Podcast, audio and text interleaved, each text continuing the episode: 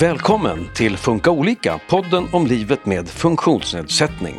Problem med mun och tandhälsan är vanligt hos personer med olika funktionsnedsättningar. Det beror ofta på fel kost och på brist i omvårdnaden. Vi pratar med en tandläkare om hur det kan bli bättre.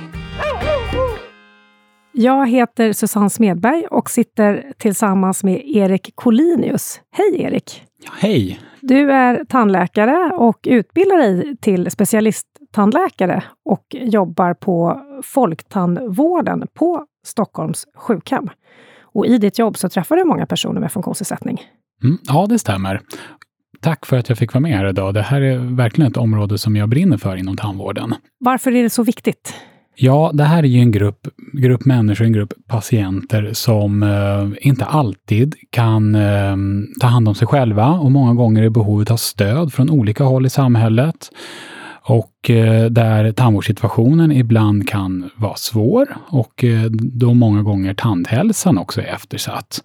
Då ställer det förstås högre krav på oss inom tandvården att eh, möta och hjälpa och behandla den här patientgruppen. Och vad är tandhälsa?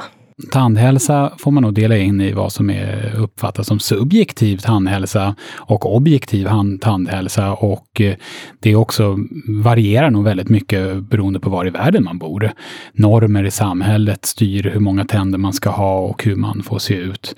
Men ehm, man kan nog vara överens om att eh, tandhälsan får inte vara ett hinder varken socialt eller funktionellt. Det är viktigt att eh, inte vara obekväm i sociala situationer på grund av till exempel eh, att man har en tandglugg. Men eh, det är förstås minst lika viktigt att kunna tugga, äta mat och förstås att inte ha ont i tänderna, vilket kan vara ett direkt handikapp. Säger man tandhälsa eller handlar det om munhälsa? Mm, det är en bra fråga. Munnen innefattar ju mycket mer än tänderna. Det är ju lätt att tänka sig att man går till tandläkaren bara för sina tänder och i de, ja, i de allra flesta fall så är det nog också så. Men eh, tänderna är en enhet i munnen. När det kommer till hål i tänderna, då är det tänderna det handlar om. Men eh, munhälsa, då pratar vi ett bredare begrepp. Vi pratar om tandköttet förstås, som är ett kan vara ett precis lika stort problem. Det är oftast inte tanden i sig som är orsaken till att man får problem med tandköttet. Sen pratar vi om muntorrhet. Om man har många mediciner eller sjukdomar så kan man ibland drabbas av muntorrhet, vilket kan vara nog så svårt att leva med. Det gör att det blir svårt att tala. Alla som har fått tunghäfta vet hur det känns. Det ehm, gör att maten smakar annorlunda. Och eh, många gånger får man tillgripa särskilda produkter för att eh, arbeta mot det. Munhälsa kan också innebära att man har svårt att gapa. Det kan innebära att man har problem med, eh, ja, indirekt och kan det ha med käkleden att göra, att man har ont i käklederna på grund av att man pressar tänder. Vi pratar gärna om munhälsa just för att vi, vi försöker, eller vi arbetar med hela munnen. Och det hela munnen är vårt ansvarsområde. Hur god eh, munhälsa förväntas man ha? Du sa att det skiljer sig lite i eh, olika länder, men hur, vad tänker man i Sverige? Sverige har en erkänt bra tandvård. Särskilt inom barntandvården har man kommit väldigt långt och eh, man har ju förstås en ambition om att man aldrig ska få hål i sina tänder. Och det finns, ut, det finns en kunskap, det finns resurser för att det borde kunna vara så. Men eh, vad som styr förväntningar på munhälsa, det det styrs ofta utav ehm, förutsättningar. Har man, har man de förutsättningar som, som krävs för att ha en, en god munhälsa, då, då är det våran ambition förstås inom tandvården att man inte ska ha några hål. Men kan man inte borsta sina tänder själv, säg att man inte själv styr vad man får för mat, vad som stoppas i munnen och om man kanske därtill är muntorr, så ehm, ja, då, då kanske inte vi kan ha, eller då kan vi inte ha samma förväntningar. Och då kanske vi tycker att en, en bra tandstatus eh, kanske är något sämre än vad det skulle kunna vara för någon som har goda förutsättningar. Och det är av godhet som vi har den inställningen, för att inte dels lägga ribban alldeles för högt och, eh, och, och skapa kanske en ångest eh, och alltid få en massa eh, massa klagomål på sig att det borde vara bättre. Men sen också att vi från vår sida inte ska, ska övervårda patienterna, göra mer än vad som är bra. Jag har hört eh, någon gång att eh, man kan dö tidigare om man har dålig munhälsa. Stämmer det? Mm. Jag eh, skulle säga, nej, det finns inte belägg för rakt ut sådär, i alla fall inte så som situationen ser ut 2022. Förr i tiden, nu pratar vi många hundra år sedan, så var faktiskt eh, tänder en relativt vanlig orsak till eh, för tidig död. Så är det inte idag. Och om vi går in på personer med funktionsnedsättning lite mer specifikt. Hur ser munhälsan generellt ut hos personer som har funktionsnedsättning? Att använda begreppet generellt går inte för den gruppen. Och är man till exempel eh, har man till exempel eh, ett, eh, har man ett autismtillstånd och eh, bor i en trygg miljö där man får bra stöd och eh, bra hjälp av kanske föräldrar, då kan munhälsan mycket väl vara bra.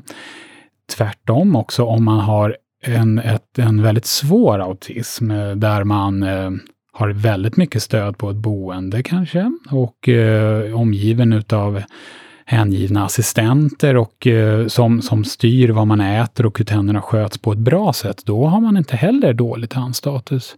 Befinner man sig däremot mittemellan, man kanske har fått en ny boendemiljö, har ett rörigt sammanhang, man kan själv inte fatta bra beslut om sin tandhälsa och kanske inte heller får någon bra hjälp äter mycket sötsaker, kanske sitter uppe hela nätterna, spelar dataspel och dricker Coca-Cola, ja då kan det nästan bli hur illa som helst.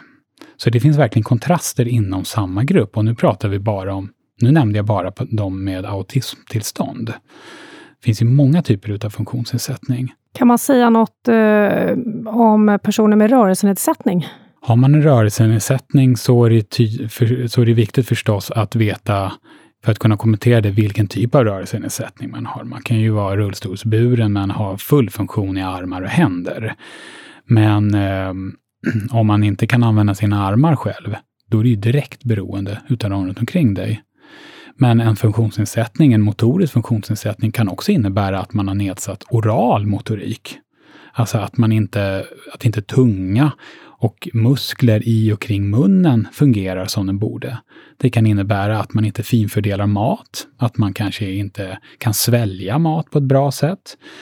Det kan innebära att det ligger kvar mat i munnen efter en måltid som man inte har lyckats transportera ner i, i eh, matstrupen. Och om det ligger otuggad mat, kanske, ja, kanske rent av otuggad kanelbulle kvar kring en tand, då är det ju ja, självklart att det påverkar munhälsan negativt. Om man eh, inte kan inta mat med munnen, kan man ha dålig munhälsa då också? Mm. Om du inte får någon mat genom munnen, då får du inte hål i tänderna. För det krävs någon form utav näring för de här bakterierna som orsakar karies. Alltså. Så om du inte får någonting genom munnen, då, då kan du inte få karies. Men det finns ju andra munsjukdomar du kan få, till exempel parodontit, tandlossning. Det kan du få. Tandsten bildas på, kan bildas ändå på tandytorna och lägger sig under tandköttet och orsakar inflammation. Kan på sikt orsaka då tandlossning, vilket innebär att tänder ja, antingen kan behöva tas bort eller rent av ramlar ut av sig själv till slut. Men ett eh, mycket, mycket allvarligare tillstånd, det är om man pratar om inandningspneumonier. Och eh, det innebär alltså att man andas ner, man får ner bakterier och patogener från munnen ner i luftvägarna. Och eh, risken för det ökar förstås om man inte har en väl rengjord mun. Och alltså en inandningspneumoni, det är alltså en lunginflammation och eh, det kan vara ett rent, rent av livshotande tillstånd. Så munhälsan är precis lika viktig att sköta, alltså tandborstningen, även om man inte får mat genom munnen utan får det genom PEG, så ska det skötas ändå. Du nämnde till att börja med autism eh, och om man har större kognitiva svårigheter som medelsvår eller svår intellektuell funktionsnedsättning, är det något som är liksom lite specifikt för den patientgruppen? Ja, det finns ju en rad eh, sällsynta diagnoser och sen finns det diagnoser som vi stöter på lite oftare, till exempel Downs syndrom. Och eh, för vissa diagnoser finns det eh, särskilda, särskilda problem och för Downs syndrom så är det tyvärr vanligt att man utvecklar tandlossning med tiden. Och eh, det är någonting som eh, vi gör vad vi kan för att förebygga och då handlar det, ja, och som ni sa, då, som förebyggande tandvård. Att man kommer till en tandhygienist kanske så ofta som fyra gånger per år.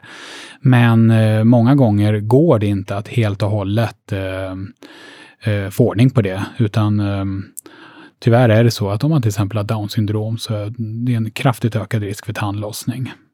Hur kan undersökningen eller behandlingen anpassas utifrån olika behov eller funktionsnedsättningar? Till exempel en patient som har eh, svårt att sitta stilla. Mm. Då kan man ju dels ställa in det i vad vi kan göra från tandvården och sen vad man själv kan göra. Och eh, det absolut bästa, det är om man vet att man har särskilda behov, att man berättar om det på förväg. Det är vi bara tacksamma för att få höra. Men från vår sida så försöker vi förstås alltid känna in patienten. Det kan innebära att eh, man måste ha lite lugnare på rummet, men det kan precis lika gärna innebära att eh, man ska spela någon särskild sorts musik. En del som blir lugnade utav det. Vi har ju ofta eller alltid kraftigt ljus inne på rummet. Då har vi solglasögon som man kan få ha på sig för att lugna besöket lite granna. Om man vill får man förstås ha på sig hörselskydd, men det är inte alltid det funkar så bra. För ljuden från våra instrument och borrmaskiner kommer ju inifrån munnen, så det kan tänkas ha en viss, eh, utgöra en viss hjälp i sammanhanget. Men ehm, om man har rörelsemotoriska eh, eh, funktionshinder, funktionsnedsättningar, så kan man få hjälp av att särskilda kuddar, få en bekvämare, tryggare miljö att befinna sig i i tandläkarstolen. Det ska finnas lift på en sån här mottagning. Det finns till exempel på Stockholms sjukhems alla rum en, eh, en personlift som på ett smidigt sätt, bara på någon minut, lyfter över på ett tryggt sätt som ofta upplevs som bekvämt från till exempel en permobil eller en rullstol till behandlingsstolen. Och eh, främst av allt då så, vill man, så ska man som tandläkare då sondera och fråga, är det någonting mer vi kan hjälpa till med? Det, vi kan ofta göra mycket mer än vad man tror. En person som kanske har svårt eller tycker det är obehagligt att öppna munnen mm. och bli undersökt? Ja, då får man till en början med föra en diskussion om varför. Vad är det som gör att du inte vill öppna munnen? Är det att du är rädd? Många är rädda för tandläkaren. Det är ett vanligt skäl till att man inte kommer till tandläkaren. Men det kan också innebära att man skäms.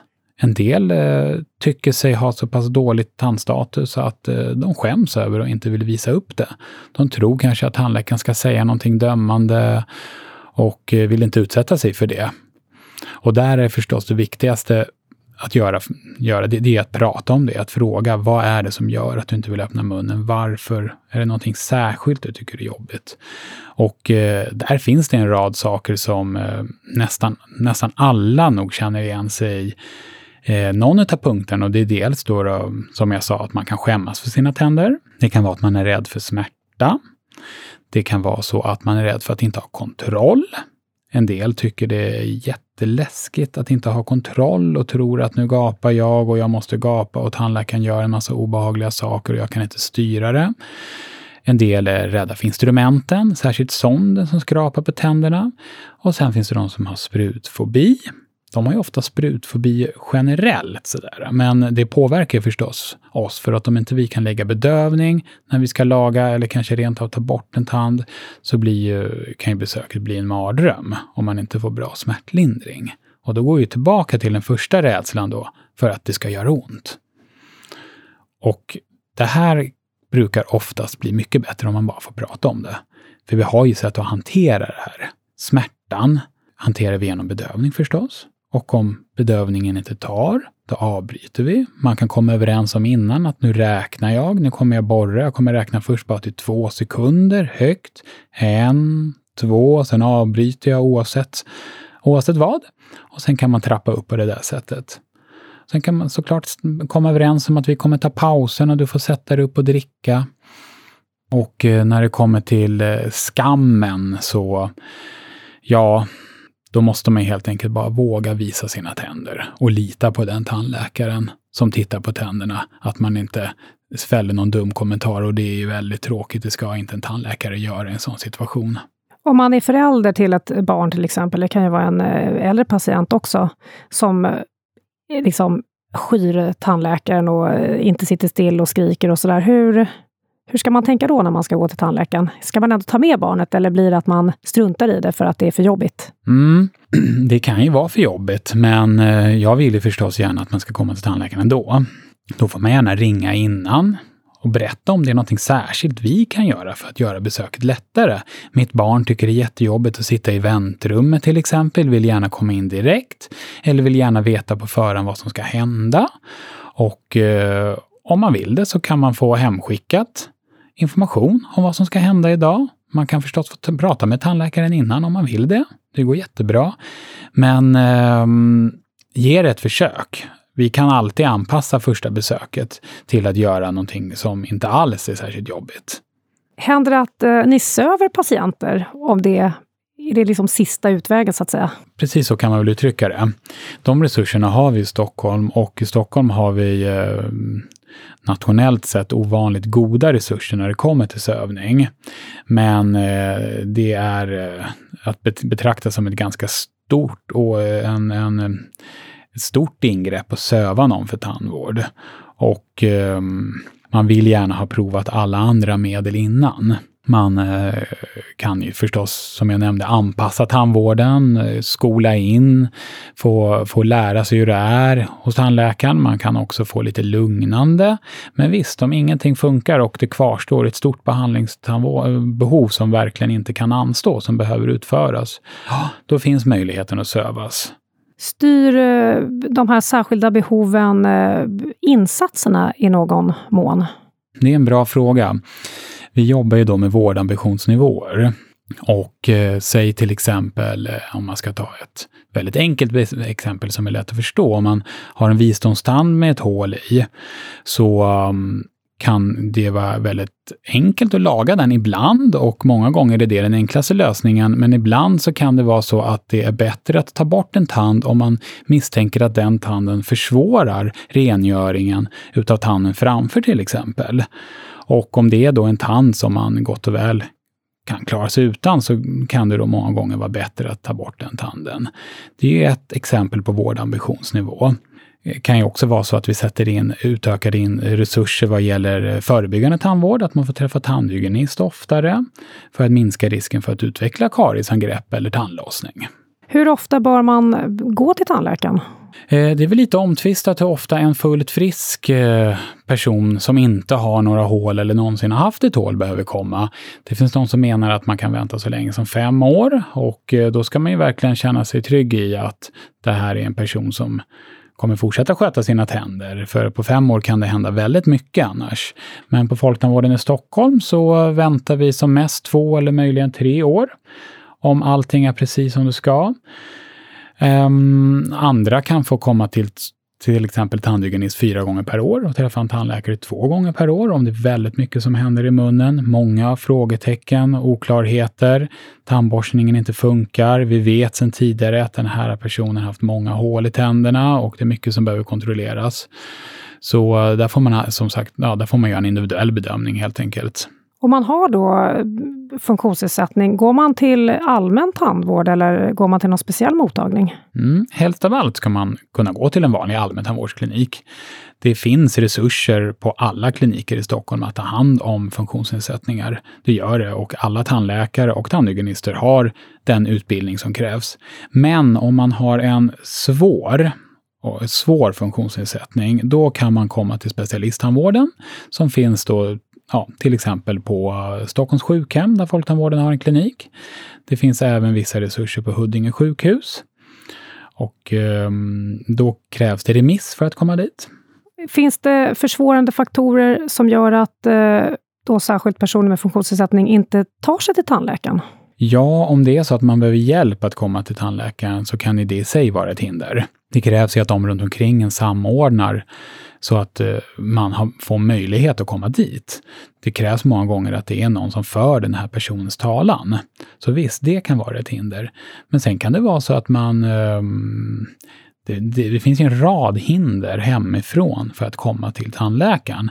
Det kan vara så att man ehm, inte har möjlighet att boka transport En del är behovet av särskild transport. Sen måste ju kliniken vara anpassad många gånger, i alla fall om det är så att man har rullstol eller permobil, att, att det finns en hiss till exempel om man är högt upp i huset eller eh, att det finns en lift på behandlingsrummet. Man kan undersöka i en, i en vanlig i en rullstol eller en permobil, men man kan inte göra ett lika bra jobb. Det går inte. Det här med ekonomi då?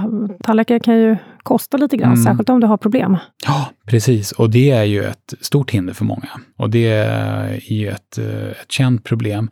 Däremot om det är så att man har en, en svår funktionsnedsättning eller att man bor på ett särskilt boende, så har man oftast och ja, nästan alltid rätt till eh, tandvårdsstöd som innebär att man kan få tandvård på sjukvårdstaxa.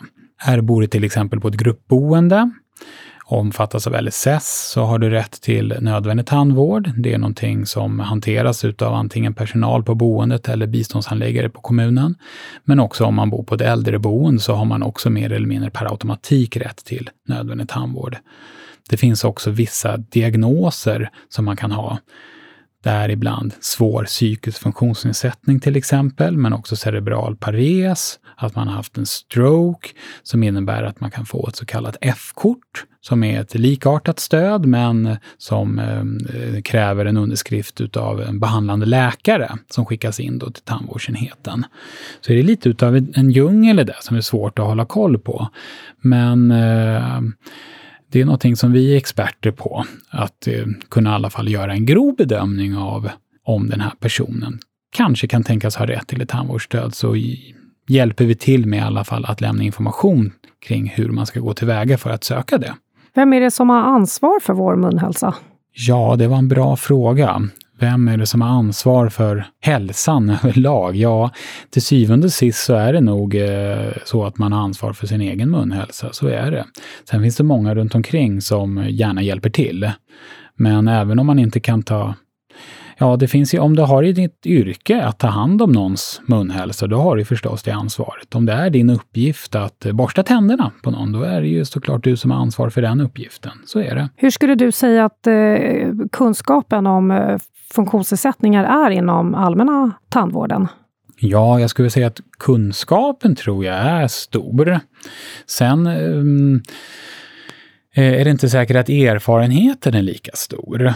Eh, man måste känna sig bekväm med att ta hand om en person med funktionsnedsättning. Man kanske har lärt sig hur man ska göra, men när det handlar om bemötande så, ehm, så är det viktigare med intresse och intresse för människan och, och förstås erfarenhet än bokkunskap. Och eh, sista frågan här då. Om du kan ge dina bästa tips för att ha en så bra munhälsa som möjligt, vad skulle det vara? Borsta tänderna två gånger om dagen med fluortandkräm ska tilläggas. Det det har ju varit ett diskussionsämne och eh, utan att gå in närmare på det så vill jag vidhålla att inom tandvården rekommenderar vi förstås fluortandkräm. Och det räcker med den vanliga, kanske rent av den billigaste varianten som, finns på eh, dagligvaruhandeln. Undvika sötsaker i vardagen. Försöka hålla sig till lördagsgodis. Och eh, tre huvudmål och två mellanmål. Och tänka på vad man stoppar i munnen. Vatten som måltidsdryck. Det är samma råd till de allra minsta som till de allra äldsta. Borstar man tänderna ordentligt och inte äter för mycket sötsaker, då får man inga hål i tänderna. Där säger jag stort tack till dig, Erik Collinius, eh, tandläkare och jobbar på Folktandvården på Stockholms sjukhem. Tack! Du har lyssnat på Funka olika, en podd från Habilitering och hälsa som är en del av Region Stockholm.